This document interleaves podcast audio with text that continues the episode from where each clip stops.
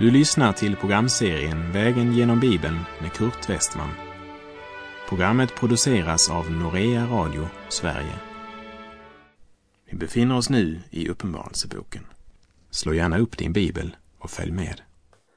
Vi har kommit till den sista av de sju församlingarna som får ett direkt budskap från Herren Jesus genom aposteln Johannes. Sir William Ramsay, han kallar Laodikea kompromissernas stad. Det är församlingen som varken är kall eller varm, som passar lika bra överallt.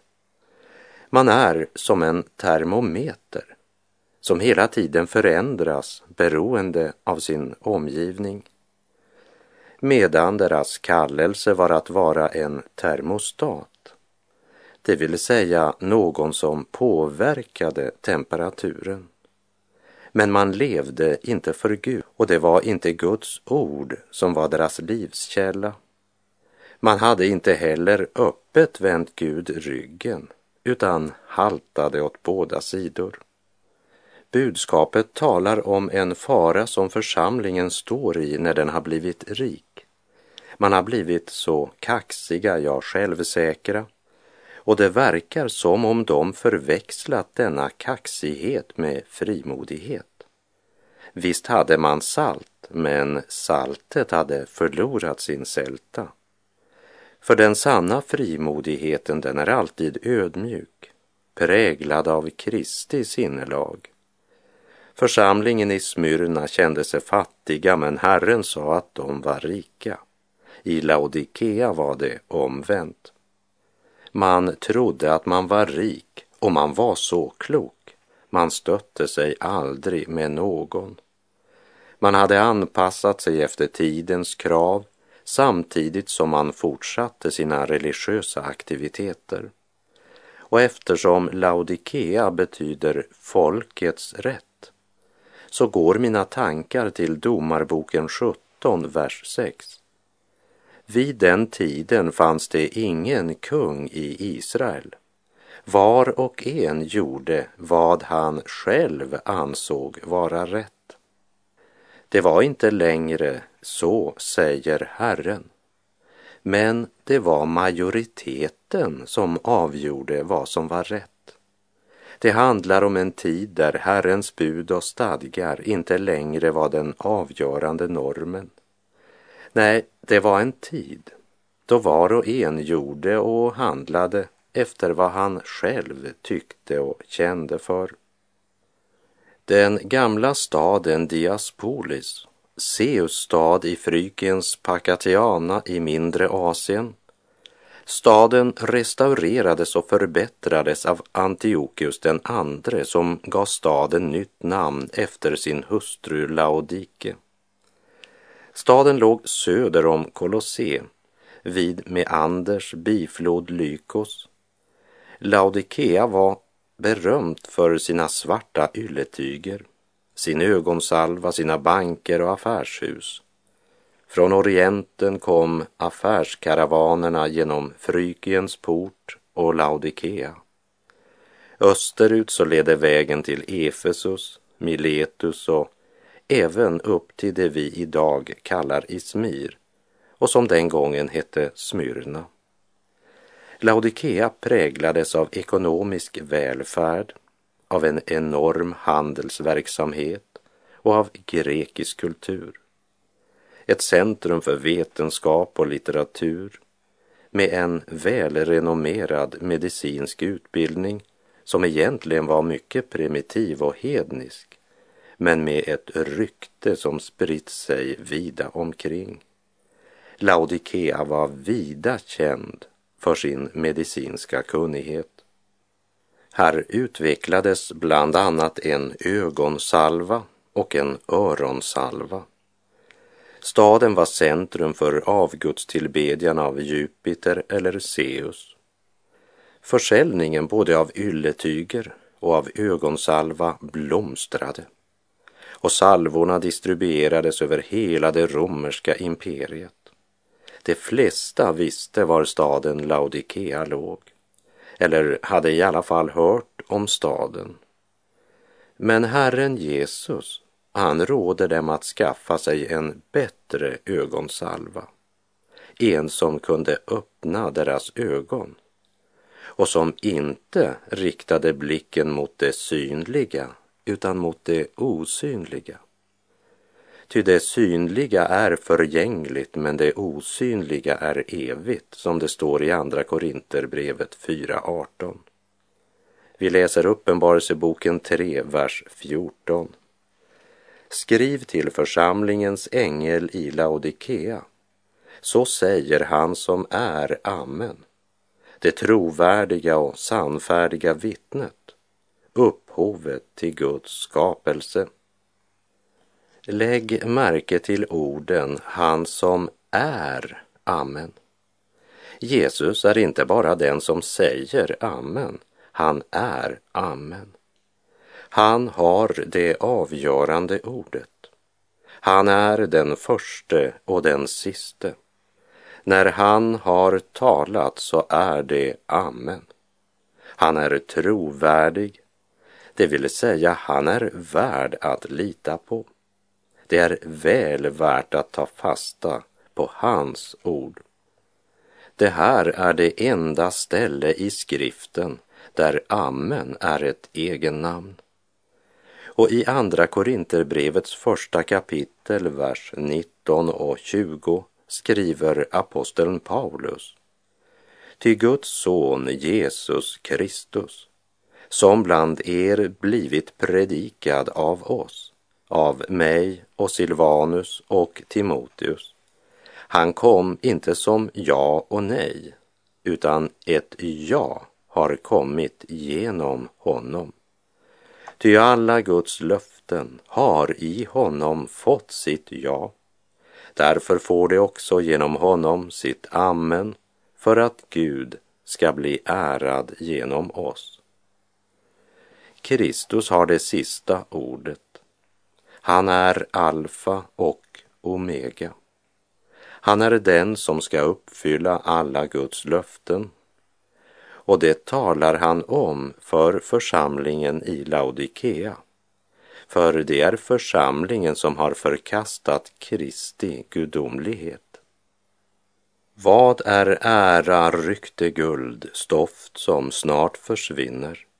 Mot att äga Jesus Krist, sälj den honom finner.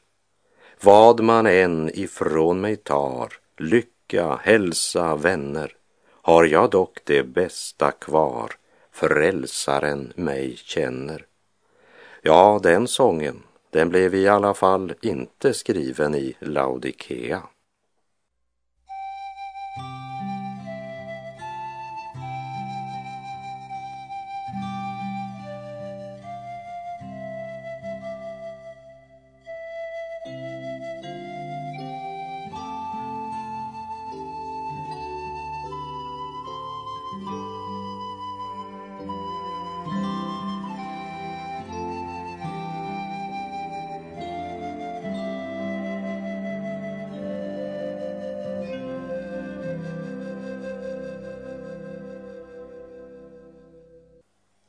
Skriv till församlingens ängel i Laodikea. Så säger han som är Amen, det trovärdiga och sannfärdiga vittnet, upphovet till Guds skapelse. Det sannfärdiga vittnet. Kristus omtalas som den ende som kommer att uppenbara allt och säga mig hela sanningen. Och vi lever i en tid då det är mycket svårt att höra sanningen. Och vi får det i alla fall inte genom nyhetsmedia eller genom politikerna. Även på våra skolor har Bibeln förkastats som norm och rättesnöre för tro, liv och moral. Vem skall man tro på? Ja, det finns en som är det trovärdiga och sannfärdiga vittnet, även i en tid av avfall, hedendom och ogudaktighet. På många platser kan man idag inte ens lita på kyrkan eller församlingen eftersom Guds ord inte alltid är ledstjärnan. Han är också upphovet till Guds skapelse. Det vill säga, han är skapare. Och det är viktigt för Guds barn att ge akt på det i en tid då utvecklingsläran blivit ganska allmänt accepterad. Guds barn ska inte bygga på människors spekulation, men på Andens uppenbarelse av ordet. Budskapet från honom som är det trovärdiga och sannfärdiga vittnet, upphovet till Guds skapelse. Vi läser Uppenbarelseboken 3, vers 15 och 16. Jag känner dina gärningar. Du är varken kall eller varm. Jag skulle önska att du vore kall eller varm.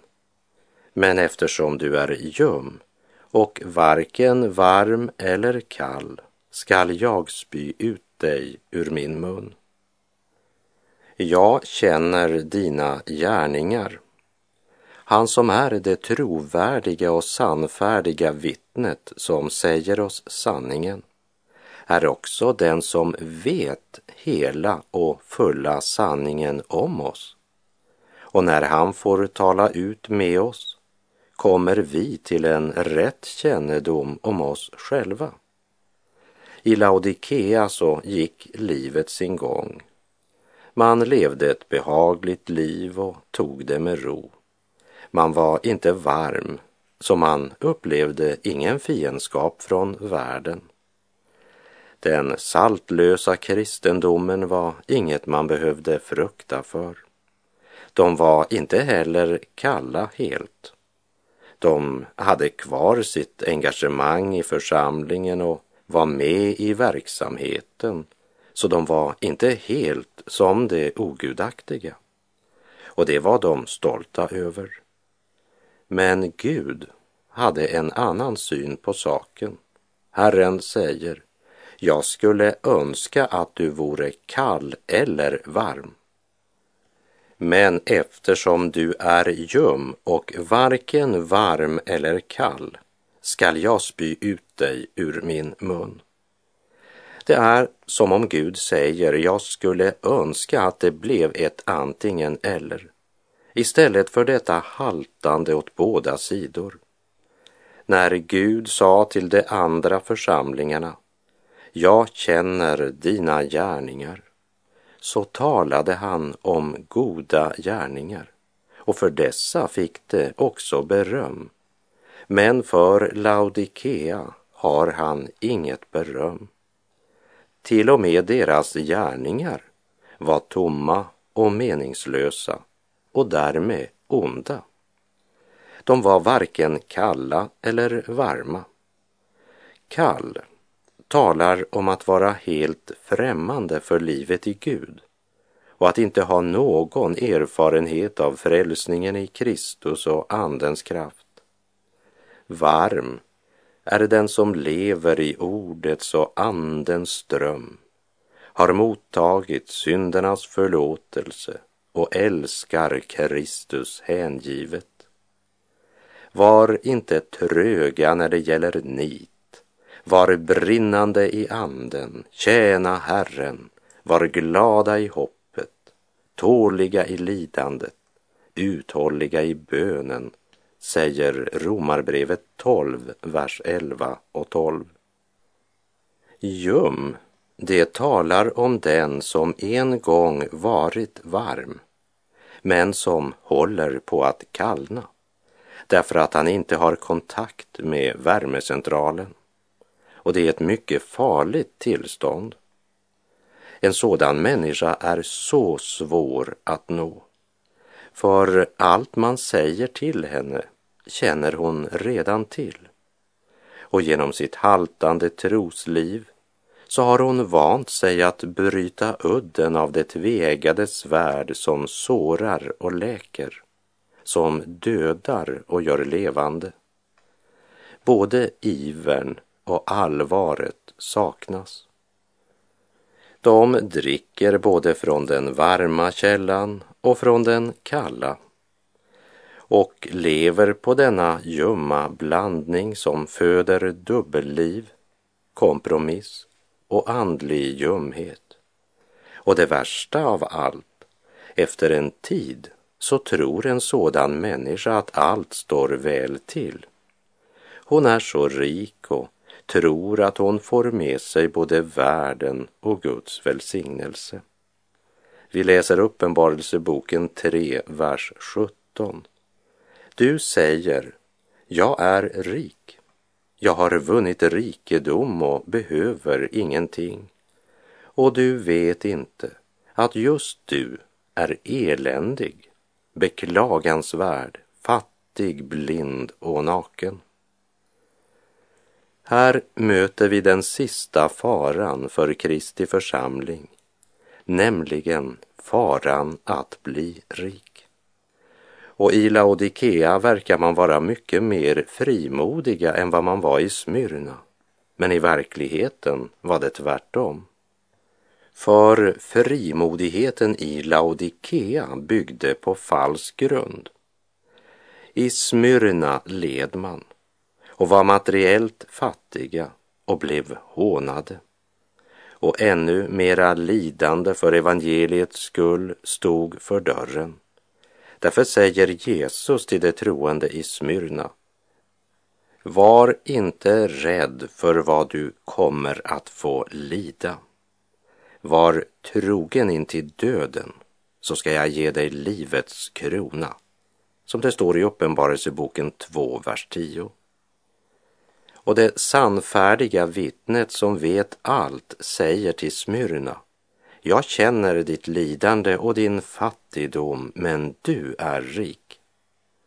Och lidandet, det var en frukt av deras frimodighet, medan man i Laodikea var frimodiga därför att man varken led eller hånades. Den ekonomiska välfärden i Laodikea fick en andlig effekt. Man blev likgiltig, bekväm, ja, ljum. De glömde sitt beroende av Herren. Det gick ju så bra ändå. Man blickade bakåt och talade om sina gamla erfarenheter och på sina forna insatser i evangeliets tjänst och i det fann de sin vila. Och ljumheten bredde ut sig sakta men säkert. Men hur är det för dig och mig idag? Kanske är det på tiden att vi åter dammar av Linderots gamla text från 1798 och börjar påminna varandra. Ingen hinner fram till den eviga ron, som sig ej eldigt framtränger. Själen måste utstå en kamp för den tron varpå vår salighet hänger. Porten kallas trång, vägen heter smal. Hela Herrens nåd är ställd uti ditt val. Men här gäller tränga, ja, tränga sig fram. Annars är himlen förlorad. Du är varken kall eller varm. Jag skulle önska att du vore kall eller varm, men eftersom du är ljum och varken varm eller kall skall jag spy ut dig ur min mun.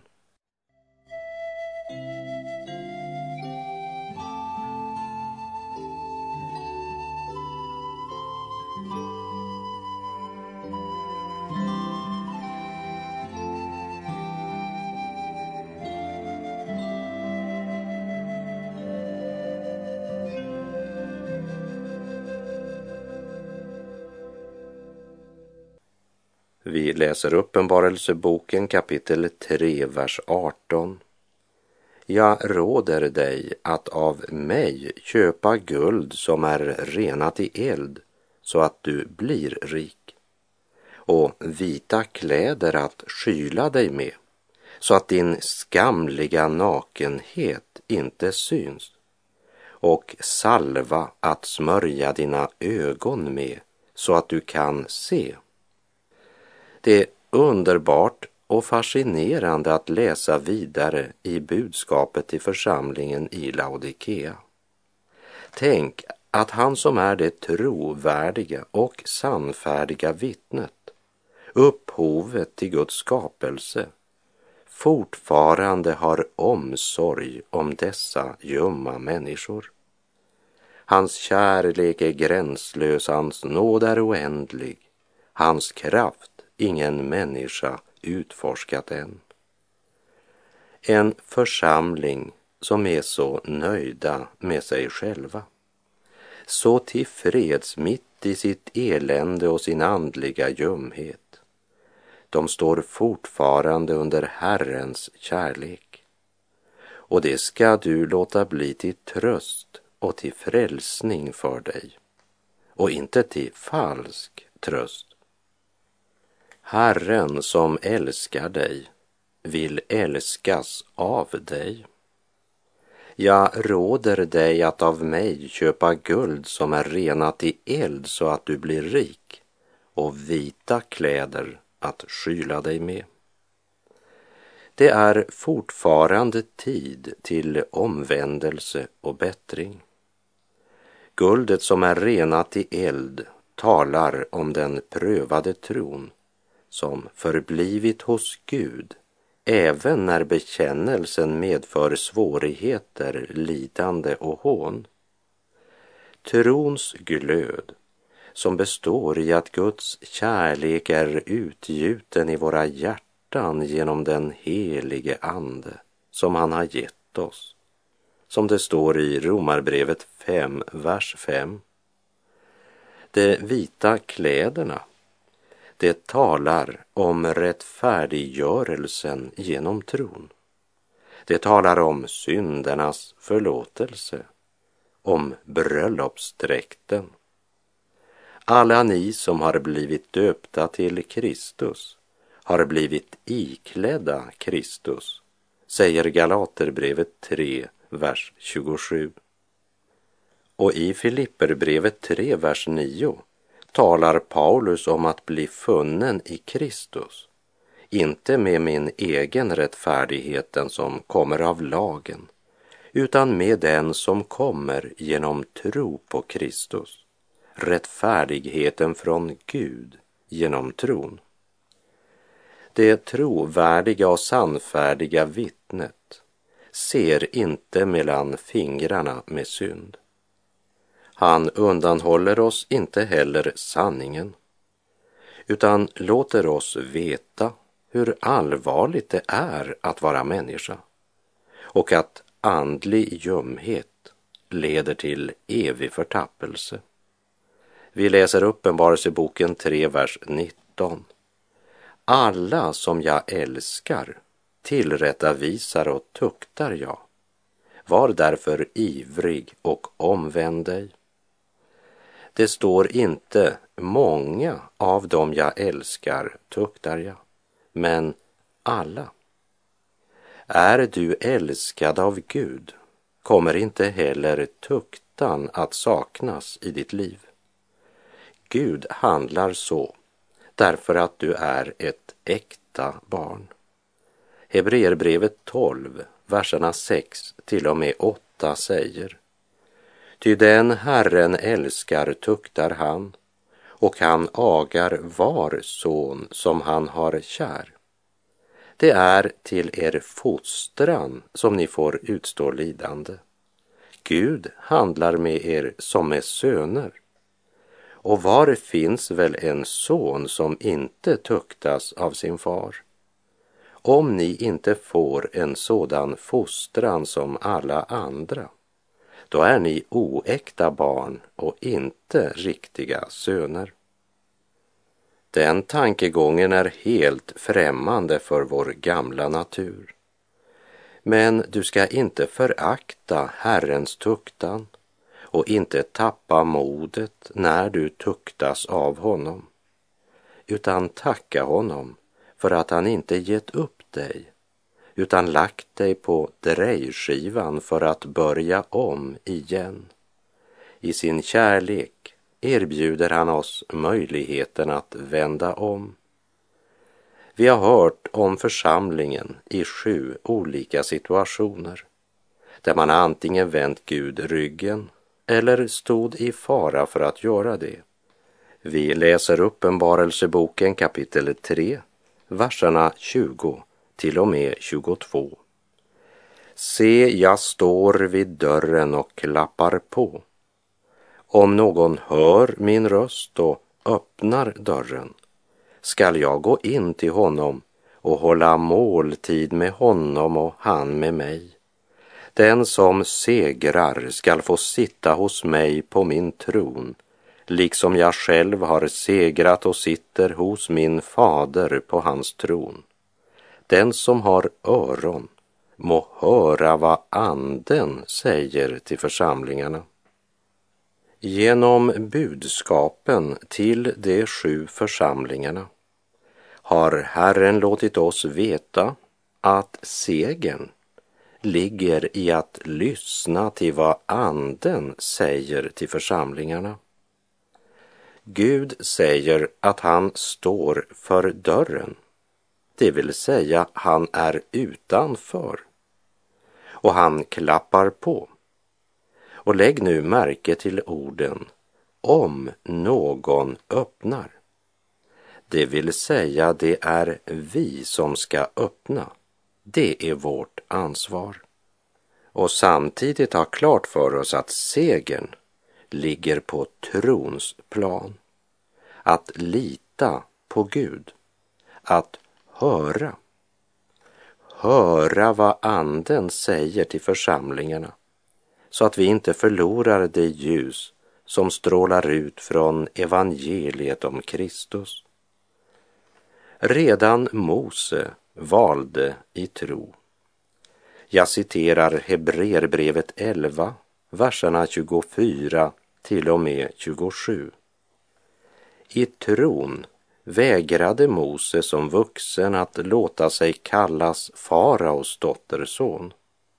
Han valde att hellre bli illa behandlad tillsammans med Guds folk än att en kort tid leva i syndig njutning. Han räknade Kristi smärlek för en större rikedom än Egyptens alla skatter. Ty han hade sin blick blick riktad på lönen.